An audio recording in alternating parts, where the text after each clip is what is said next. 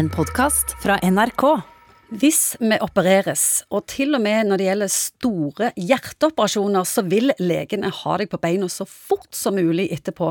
For det å bli liggende i senga, det er ikke bra. Morten Munkvik, hvorfor er det så viktig å få oss ut av senga og opp og gå? Fordi at din kropp er lagd for bevegelse og aktivitet. Det er jo ikke bare bare å reise seg etter en svær operasjon, vel? Nei, det er jo ikke det. Det er jo derfor en ofte må ha hjelp til å komme i gang hvis operasjonen var stor nok, men en bør ikke bli liggende. Akkurat det samme det som å prøve å starte en eh, bil som har stått i garasjen altfor lenge. Den vil òg kanskje klage litt på å bli starta. Det er samme dag. Ja. Dere er kjemperedde for sengeleie.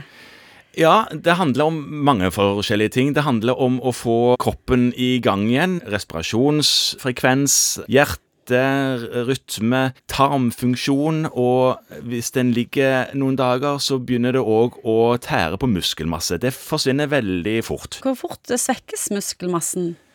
Ja, Deprimerende fort for de som har uh, trent og bruker litt tid på å holde seg fysisk aktive. Hvis du ikke får trent det du trener på uh, noen dager, så merker du jo når du kommer tilbake igjen at uh, jeg klarer faktisk mindre av det, de vektene jeg tok rett før jeg hadde en pause, nå etter at jeg har pause. Hva hadde skjedd med min kropp hvis jeg legger meg ned og ligger der i to-tre uker? Yes, dette har jo NASA holdt på med. Når astronauter blir sendt opp i den internasjonale romstasjonen, så er jo tyngdekraften mye mindre der, så de er vektløse. Og de har sagt, jeg lurer på om det var på ti dager så forsvant 20% av kroppsmassen. Det er enormt mye. Ja, det er muskel som forsvinner da. Det, det er ikke sånn at du kan legge deg ned og så forsvinner 20% av fettet ditt, dessverre.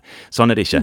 Så, men det er jo derfor at eh, de her astronautene trener jo to og en halv time daglig der oppe i spesielle treningsapparater som gjør at de klarer å trene uten særlig tyngdekraft. Da vil jeg jo tro at livet forkortes hvis, det, hvis jeg f.eks. i morgen blir påkjørt av en buss og blir liggende i to måneder, f.eks.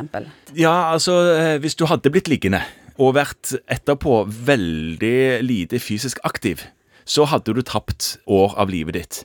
Det er en relativt nylig, tror jeg, dansk studie, hvis jeg ikke husker feil, som så på det litt motsatt, og så at hvis en trente folk som ikke før hadde trent, og økte fysisk aktivitet på de daglig, og så økte levetiden med fem-seks år.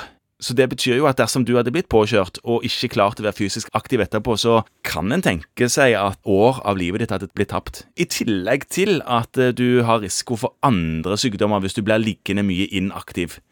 Blodpropp og sånne ting som det, for det blodet blir stående mye mer i ro i blodkar og levrer seg, og så blir det propper som kan dra av kåret med blodsirkulasjonen og sette seg fast enkelte steder.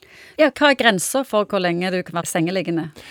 De vanligste infeksjonssykdommene er over på fem til ti dager, og mer enn det vil jo være unødvendig å være i ro.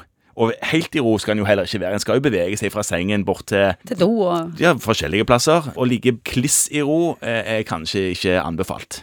Du har hørt en podkast fra NRK.